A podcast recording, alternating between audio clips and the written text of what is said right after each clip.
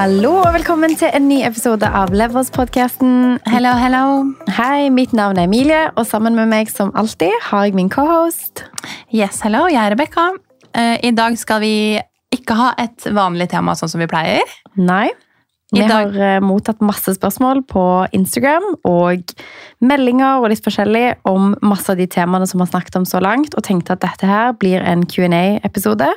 Ja, og generelt veldig mye fin feedback. Fy søren, det er så hyggelig å lese alle, både de meldingene man får privat i innboksen, men også sendt direkte til Leveholdspodden.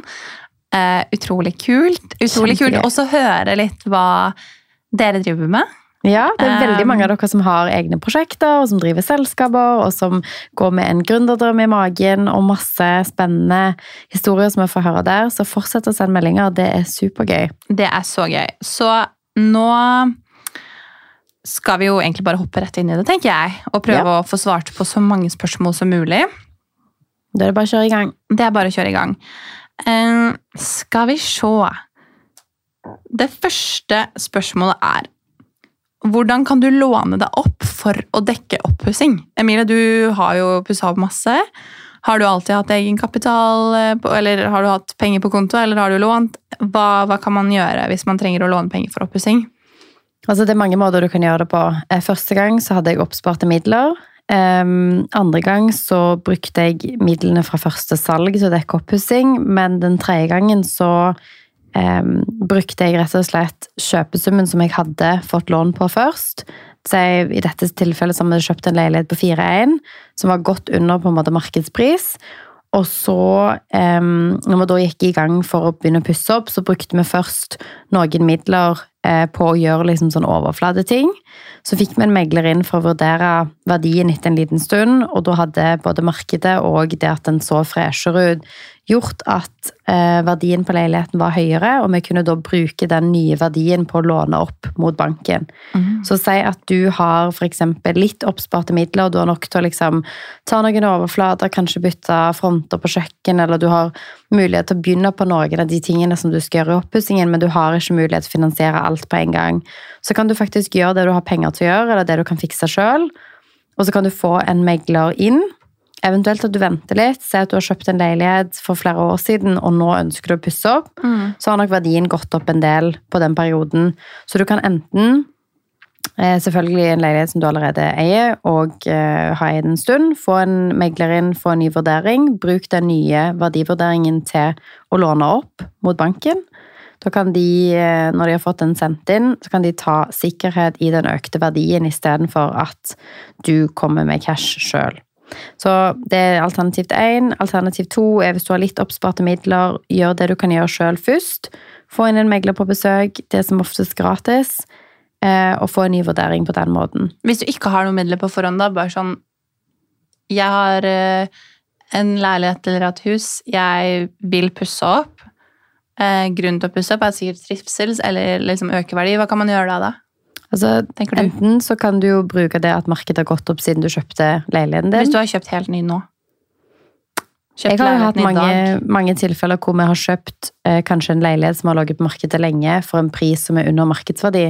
Når vi kjøpte den leiligheten som vi pusser opp nå, mm. så var det egentlig nesten umiddelbart. Så kunne man på en måte låne seg opp på den leiligheten fordi at vi kjøpte under det markedet hadde priset den leiligheten til. Mm. Så der har du en mulighet med en gang. Hvis ikke så kan du òg bruke det at du har betalt ned på lånet ditt i en periode, og bruke det du på en måte allerede har betalt ned til å låne opp på. Men hvis du er, si, førstegangskjøper, Mm. du har brukt alle pengene dine på å kjøpe en ny bolig, Mm. eh, den har du ikke, den måtte du kanskje gi litt ekstra for, da. Du har ikke kjøpt under takst, du må kjøpe til over takst. Um, du har egentlig ikke noe igjen til oppussing. Altså, du har alltid noen muligheter, vil jeg si. Sånn, enten så kan du gå til banken og si hei, jeg vet at jeg akkurat har eh, sprengt eh, lånemulighetene mine. Jeg ønsker å gjøre noen forbedringer som jeg tror kommer til å øke verdien på leiligheten.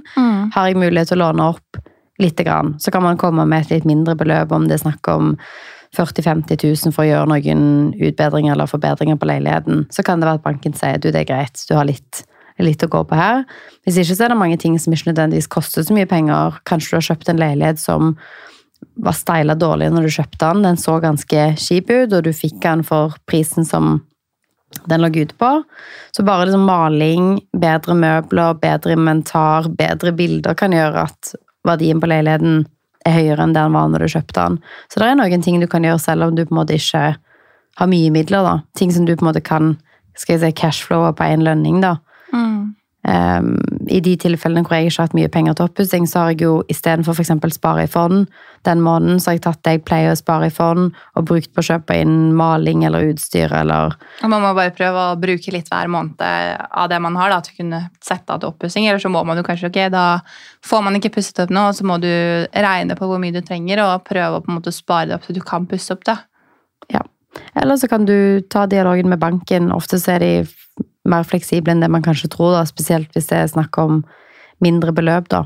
At Ja. du skal låne opp et par titalls tusen for å gjøre ting som øker verdien på leiligheten. Da er de kanskje litt mer på glid. Det er sant. Jeg tenker at det var ganske fint svart på det spørsmålet der. Um, jeg tenker at vi hopper videre. Mm. Det her spørsmålet er til deg, Emilie. Eh, dere har eh, revet vegger et par ganger nå. Og dere har fjernet vegg fra kjøkken til stue. Eh, siste leilighetene, begge to egentlig, og den dere holder på med nå. Mm. Og så er det noen som spør hvordan sjekket dere om det var bærevegg, og hvorfor fjerner dere bare litt og lot noe bli igjen? Så um, du kan sjekke om det er bærevegg. Altså, Vi har faktisk et ganske spennende case som skjer akkurat nå. Det skjedde i dag. Mm. Um, for vanligvis så er det en sånn banketest. da. Du kan si at når du er på visning, så kan du banke i veggen. Hvis den høres hul ut, og den er på en måte tom inni, så er det mest sannsynlig en lett vegg. Hvis du banker og du kjenner murstein, eller den er liksom helt tett inni, og du ser at den er veldig tjukk, altså den dekker mye flate på gulvet og i taket, så er den mest sannsynlig bærende. Og så kan man også se at hvis det er på en måte gjennom eksempel hoveddelen av leiligheten, at det, det kan være bærende. da. Mm. Um, vi hadde en sånn vegg i den leiligheten vi pusser opp nå, som vi var helt sikre på var en bærevegg. Vi Mm. fikk inn et selskap, vi søkte til plan og bygg. De Mm. søknadene er dritdyre. Og de skulle begynne i dag, og så får jeg 30 en 000 er telefon. ikke det det koster for en sånn søknad? Ja, det er liksom eh, godt inne i midten av 20-tallet i 1000, skulle jeg si, for en sånn søknad. Og det er uten noe arbeid. Så fikk vi en telefon i dag fra de som er på site nå, og de bare Du, um, vi tror faktisk ikke dette her er bærevegg likevel. Så pluss det er jo at vi sparer mye penger, for de kommer nå til å bruke ja, halvparten av tiden og trenger ikke å erstatte med stålbjelke og sånne ting. Og trenger ikke ha kranebil og alle disse greiene her. Mm. Men det viser seg jo bare at det ikke alltid er enkelt å avdekke om det er bærende eller ikke, til og med for profesjonelle. Men tommelfingerregel er hvis du banker og det er hult, og den er en tynn vegg, det er en lett vegg. Eh, hvis du banker og det er helt tett, det er en murvegg, den tar mye flate på gulvet, så er det en bærende vegg. Du kan òg ofte få tak i tegninger på bygget fra sameiet eller borettslaget, hvor du kan se liksom hvor bæreveggen er. Ellers er jo befaringer på sånne selskaper gratis. Så hvis du har befaring av et selskap som fjerner bærevegger, og de sier dette er ikke bærende, så Mhm. kan du slå den ut sjøl. Bra. Jeg Og tror ja. I forhold til det med å ta noe igjen eller ikke. em, hvis, sånn som i den leiligheten som vi skal selge nå, eh, så er det jo en ståldrager som har erstatta vekten Mm. som den veggen bar i bygget. Og de stålbjelkene skal jo både i taket og ned på sidene av Mm. veggene. Sånn at de må jo bygges inn, hvis ikke du kan legge de inn i veggen. Og fordi at den veggen som ble fjernet hos oss, er ved siden av en yttervegg, så er det ikke mulig å legge den bjelken Inn. inn, i veggen. Så da må du Bygge den litt ut. den litt ut. Så da, derfor er det litt igjen. Og det her var jo veldig fint, fordi det her er et oppfølgingsspørsmål til egentlig akkurat det vi snakket om. Eh, det med bjærebjelke i stål. Hva koster det, og hva koster det for jobben? Cirka? Um, Ca. 100 000 for å fjerne en bærevegg. Det er inkludert søknad, og søknad, som jeg nevnte tidligere, er jo ofte sånn 20 25 26 27 000 kroner bare i søknad. Um, selve bjelken er ganske dyr. Vi fikk faktisk tilbakemelding om den som skulle ha blitt fjerna i dag og i morgen, om at det var umulig å få tak i stål pga. situasjonen i verden akkurat nå. Og vi måtte erstatte stål med tre, faktisk, som da er billigere. Men nå er det jo ikke en bærevegg, så nå trenger vi ikke tenke på det. Men eh, det Ja. Sist gang så tror jeg vi betalte sånn 14-15, kanskje. Du kan Mm. faktisk finne sånne på Finn For bare bjelkene, liksom. Mm. Mm. Men 100 er et godt estimat på å fjerne en sånn vegg. Det er alltid det jeg Totalt med da arbeidet og bjelke og søknad. Alt. Okay. Det er viktig å tenke på at når du har satt en sånn vegg inn, så er det jo litt sånn eh, sparkel- og gipsarbeid for å bygge den inn etterpå, liksom gjøre det fint. Mm. Så du kan òg enten gjøre det sjøl, eller så blir det jo en mm, maler eller en eh, snekker som kan gjøre det fint etterpå, da. Så det er litt ekstra. Og de to gangene vi har gjort dette før, så fikk vi et detaljert tilbud og brutt ned på liksom sånn Hva koster det med avfallshåndtering? Sånne ting. Og der fikk vi skrelt av rundt 30 000 på begge de tilbudene med å sikre leiligheten sjøl, henge opp liksom beskyttende for området rundt, avfallshåndtering. Ja, for da er du jo ganske god til å liksom faktisk Det er veldig mange som bare ok, tar det tilbudet og ikke setter seg noe inn i det, men du bare sånn ok, hva eh, Hvis man er litt opptatt av dette med sparing da, og klarer å gjøre ting selv, sånn søppelhåndtering, at dere faktisk ja, ok, la inn de timene med arbeid, men egne timer med arbeid koster jo ikke noe eh, på den måten, annet enn koster tid. da, så Tid er jo på en måte penger. Så eh, lurt, lurt Selv- tips igjen der. selve rivingen òg. Altså sånn, du kommer jo I hvert fall i gamle bygårder så er det jo ofte flere lag med gipsvegg. Det er eh, kanskje òg eh, eh, står det helt stille, men sånn eh, lag med vegger da, inn til den faktisk originale veggen som er bærende. Og alt det kan du rive inn til selve murveggen eller det som er bærende konstruksjon. Sånn at det er i hvert fall kanskje en hel dag med riving som du kan gjøre sjøl. Og det er klart at hvis du kan gjøre det istedenfor um, det selskapet, så har du jo mulighet til å eh, kanskje skrelle av en dag eller to med arbeid og avfallshåndtering, som gjør at eh, jobben blir en del billigere, da. Lurt. Tapet var det jeg tenkte på. Sto helt stille i stedet når jeg sa mange lag med Ja, mange lag med gips og tapet og diverse før man kom inn til det som er bærende, da. Det kan man ta sjøl. Det kan man ta sjøl. Ok, vi skal eh, Nå var det veldig mye oppussing. Vi skal eh, litt over eh, på økonomi. Um, fire. Vi har snakket om det. Um, masse spørsmål om det. Et av de spørsmålene som har gått igjen, er er FIRE-tallet utregnet i forhold til om du har boliglån? Eller er det bare de andre levekostnadene?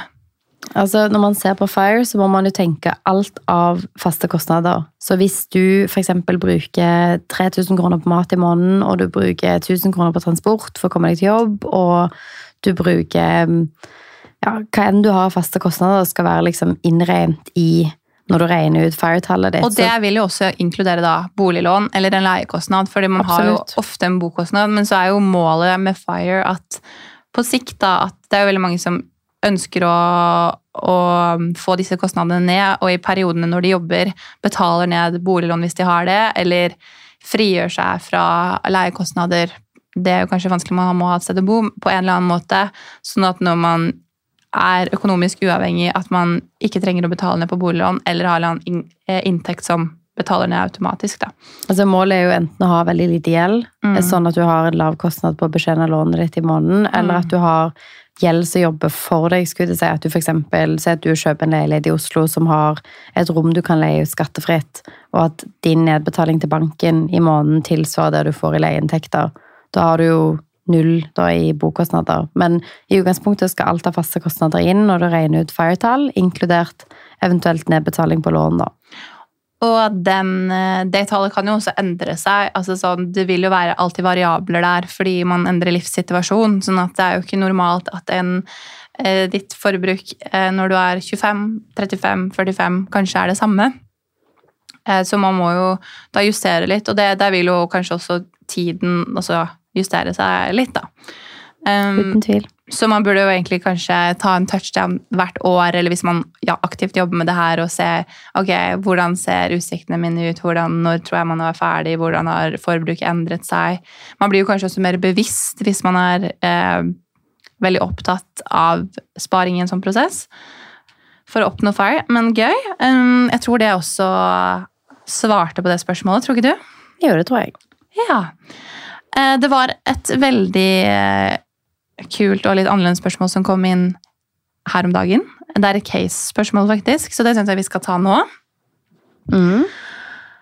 Her er et case-spørsmål til dere, som jeg syns hadde vært interessant. Nå leser det faktisk opp her. Mm. Man har det man trenger, men bolig har økt i verdi, så man kan refinansiere lånet. Burde man refinansiere og investere pengene i f.eks. indeks eller annet fond? Det er definitivt en mulighet. Ehm, du kan jo gjøre mye når du refinansierer, så i dette scenarioet her, så har den personen som skrev inn, de eier en bolig som har gått opp i verdi.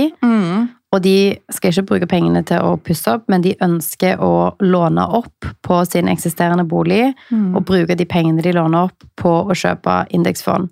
Nei, det, det er jo spørsmålet. Burde de det? Mm. Eller burde man gjøre noe annet? Altså sånn, hva, hva er lurt her? Altså sånn, investere i indeksfond eller annet fond er jo alltid lurt, fordi tro, uten at vi sitter her og er ekspert eller kan eh, ja, hva heter det? Um, anbefale noen eh, noe, men eh, hvis vi ser på trender, da, som vi har snakket om tidligere, så ser man jo at eh, det er en god eh, plan på sikt. Altså- men det kommer jo litt an på situasjonen deres. De har jo det de trenger, men er det at de har det per nå, endrer situasjonen seg om et år eller to, skal de flytte? Jeg tenker liksom sånn, Litt ting man bør ha i bakhodet, da. Altså, hvis du tenker sånn helt sånn bare fra et regnestykkeperspektiv, hvis du har f.eks. 2% i boliglånsrente, og du skal låne opp eh, 500 000 da, for å bruke dette til å investere i et indeksfond, så er det jo klart at sannsynligheten for at du tjener mer enn de 2 som du ville betalt i renta eh, på å investere, det er jo relativt høy. Og nå når markedet er sånn som det er nå, og det er mye usikkerhet, og det er skal man si, fond på, på salg mange steder, så kan jo det være noe som er lønnsomt. Så spørs det jo liksom sånn nivåmessig. Hvis du har f.eks. 500 000 eller en million ledig som du kan låne opp på lånet ditt, og det er nesten alt du eventuelt eier, eller at du låner opp mye av det du hadde i egenkapital, så kan man jo f.eks. justere ned. Man kan prøve seg med et mindre beløp eller noe man er mer komfortabel med. Men sånn regnestykkemessig så er det jo på en måte Tror du at avkastningen i markedet vil være mer enn det du eventuelt har i rentekostnader? Nå er det jo òg på en måte usikkerhet i vente med eventuelle liksom, rentehevninger, og ganske mange av de på sikt. Så ble jo regnestykket litt annerledes. Sånn markedsmessig så kan man si at man kan regne med kanskje sånn 8 da, pluss eller minus. Eh, gjennomsnittsavkastningen de siste 50 årene er vel på litt over 10% Så hvis du har 2% i renta, så vil jo dette gi deg et overskudd etter kostnader på 8% Så da kan du betjene rentene på lånet og sitte igjen med penger som du enten kan betale ned raskere med, eller du kan reinvestere i noe annet. Så spennende mulighet. Jeg har tidligere brukt det kun for å låne opp, betale oppussing, og så når jeg får verdiøkning og selger, så setter jeg de pengene i markedet. Men det er selvfølgelig ingenting i veien for å gjøre det på denne måten her. Og ja, jeg har vurdert det sjøl mange ganger, spesielt når markedet er sånn som nå. Sånn som nå, ja. Bra. Vi hopper videre til neste. Vi har mange spørsmål her, så um, hvor skal man begynne? Vi har jo sett Det er jo veldig mange gamle bygårder. Eh, per den, eller den som du holder på med nå, eh, hvor eh, det har vært eh, hevet og senka tak. Det har vært veldig sånn Et rom er det høyt tak, og et rom er det lavt tak. Og gulv er hevd og senket. Og så er det et spørsmål som er Vet du hva forklaringen bak at folk har pleid å senke taket? Eller eventuelt gulvet heve det?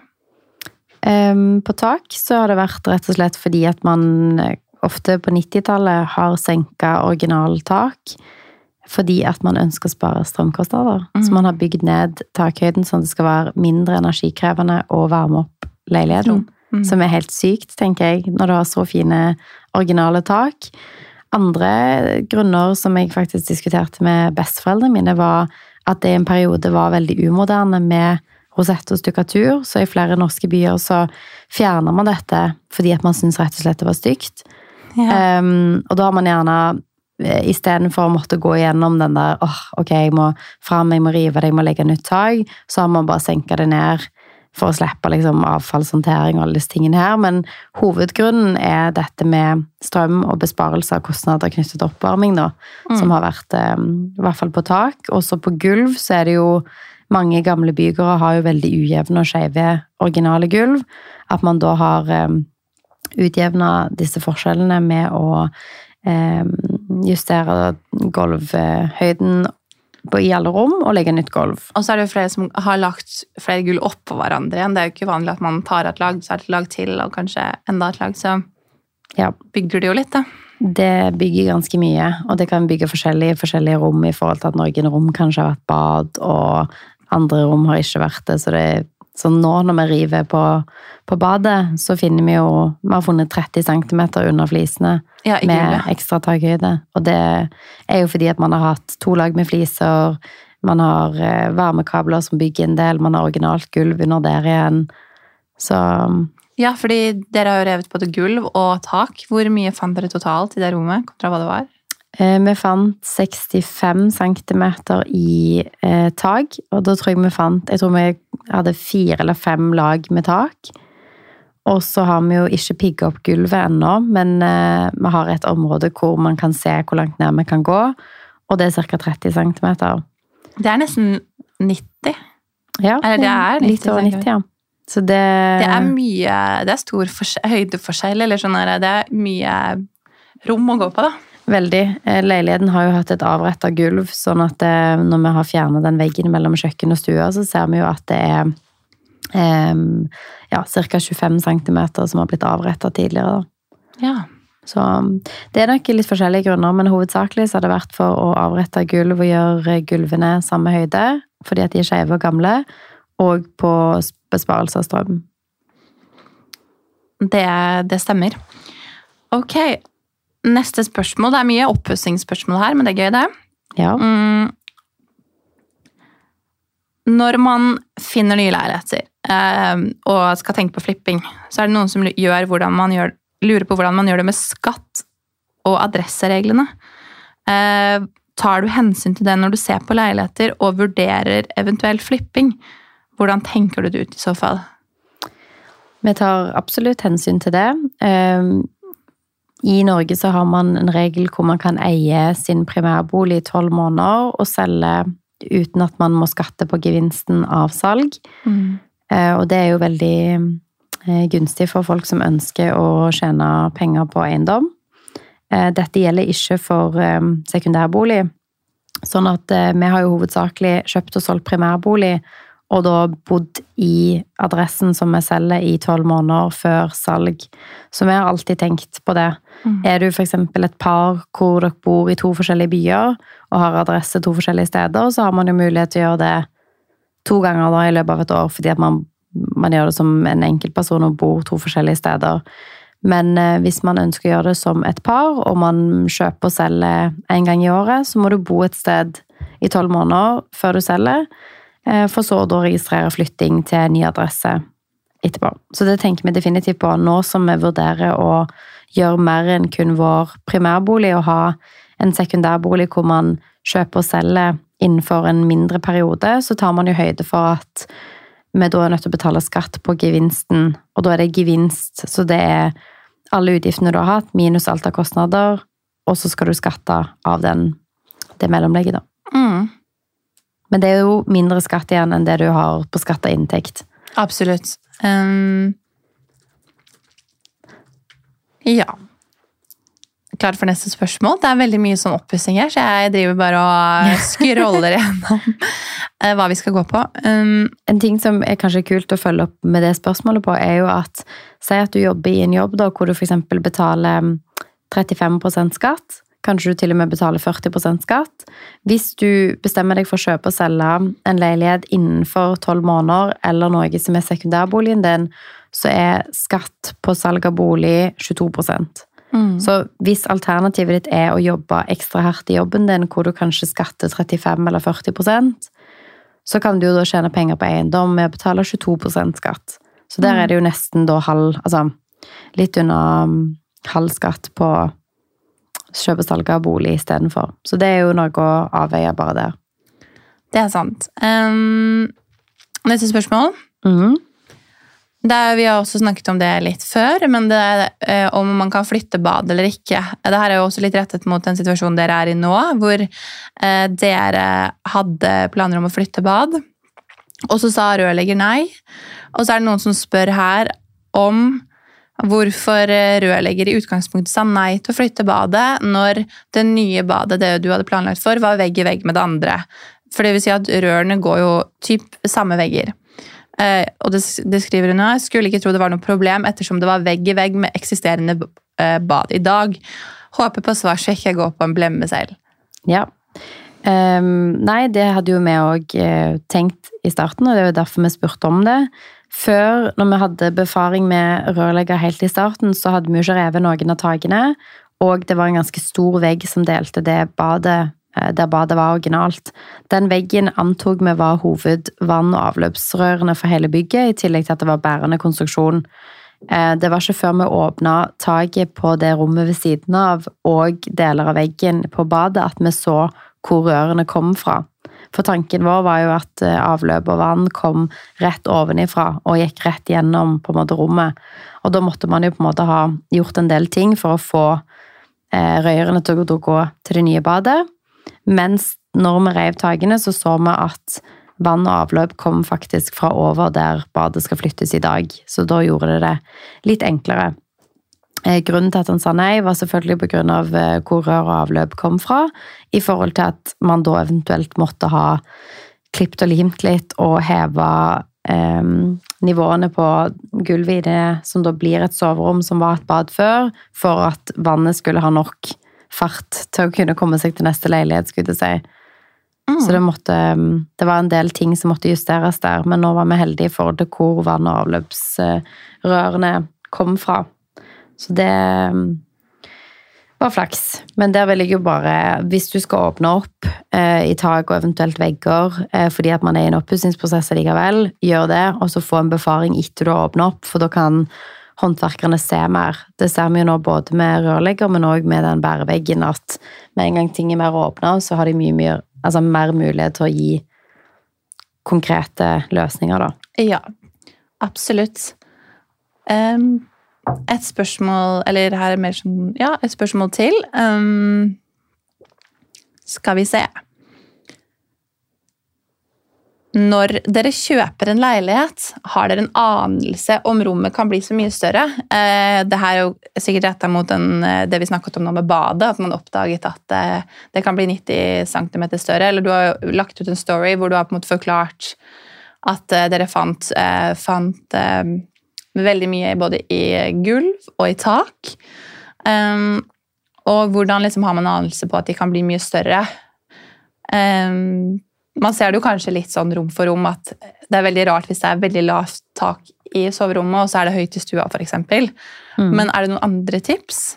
Hvis, eh, jeg pleier å si at hvis listen på rundt vinduene treffer taket direkte, så er taket senka, mest sannsynlig. Så ofte kan du se det på bilder, eller du ser det spesielt i et rom, ofte i klassiske bygg. Eh, hvis det ikke er noe luft mellom listen på vinduet og taket, så er det mest sannsynlig senka. Kanskje kan være liksom 30 cm, men det kan òg være 10-15. Eh, ellers så har vi jo eh, egentlig bare gått litt på eh, på følelsen i forhold til at det har vært veldig store forskjeller fra rom til rom. Man har sett en listtak eh, at det er altså mindre forskjell, og at man har tenkt at det har vært en senkning.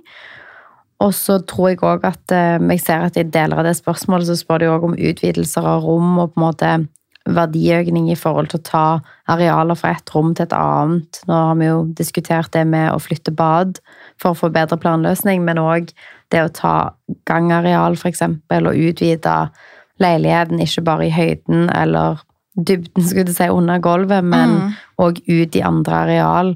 Ja. Så jeg anbefaler at når du er på visning, se etter dette med lister.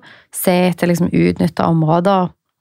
Vi så jo da når vi var på visning at det var et uh, omkledningsrom som ble benytta dårlig, fordi det gjorde at man måtte gjennom rommet for å komme til badet. Uh, man hadde en veldig stor gang som ikke ble benytta til noe som da kunne inkluderes i det som er et nytt soverom i dag, og gi det en separat inngang. Da har du fått et nytt soverom, eh, så du har gått fra to til tre soverom. Det øker verdien mye. Du har gått vekk ifra å ha en Du har ennå en stor gang, men du har heller areal som da blir tilknytta nytt soverom. Mm. Og så får du en separat inngang til et bra størrelse bad. Ja. Så se etter liksom sånne løsninger. Så er det jo klart at sånn Nå har vi valgt å ikke fjerne senkningen i taket på to av soverommene fordi at vi har nå sett i de andre rommene at det er snakk om kanskje 8-9 cm, og det er dobbeltisolert med to lag med gips og lydbøyler for å være um, bedre isolert mot etasjen over. Mm. Så det, vi vil ikke ende på så mye høyere tak hvis vi velger å rive, da. Nei, det er sant. Ok, neste spørsmål er kommentar, som er litt interessant, fordi jeg føler mye av feedbacken eh, vi får, er veldig positivt, og jeg syns det er veldig kult når folk tør å utfordre litt noen av de konseptene vi tar opp, og FIRE har jo vært et veldig ukjent konsept for mange.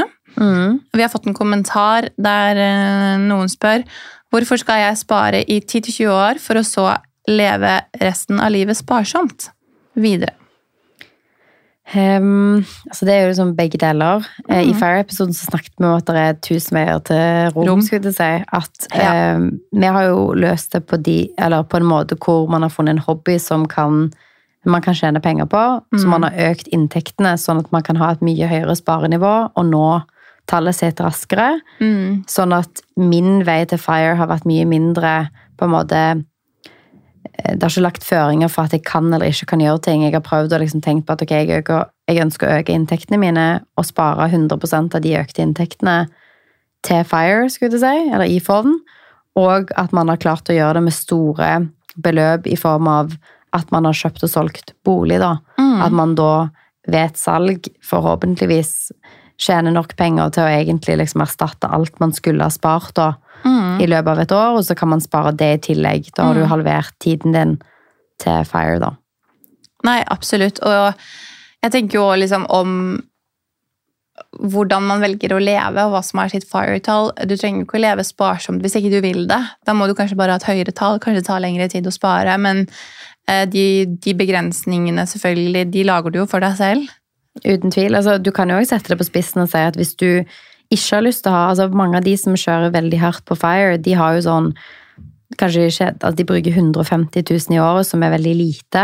Og de har kanskje familie med det. altså sånn, De bruker lite, og da kommer de til tallet sitt raskere. Mm. Men man kan jo òg f.eks. si at okay, det er vanlig å jobbe i 40 år. da. Mm. Så si at du har et høyere fire-tall, Mm. og at du sparer noe som er mye mer overkommelig, som gjør at du kan ha livsstilen du har, Mm. så vil du jo fremdeles kanskje halvere tiden du trenger å være i arbeidsmarkedet. da. Og det òg er jo et pluss. Absolutt. Jeg tror at det var alle spørsmålene vi rakk for i dag.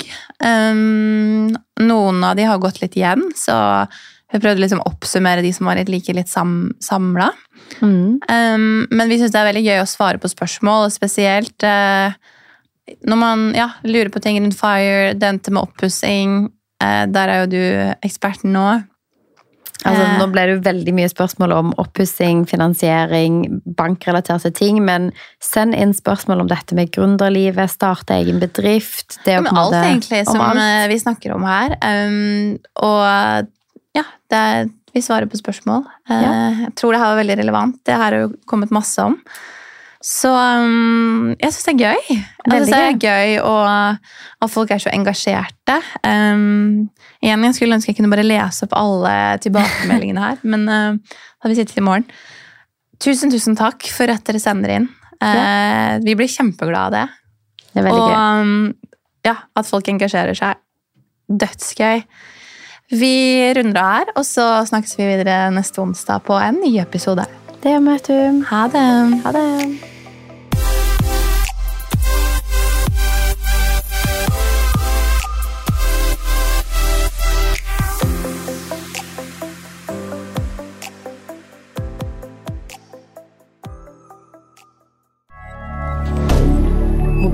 Canada.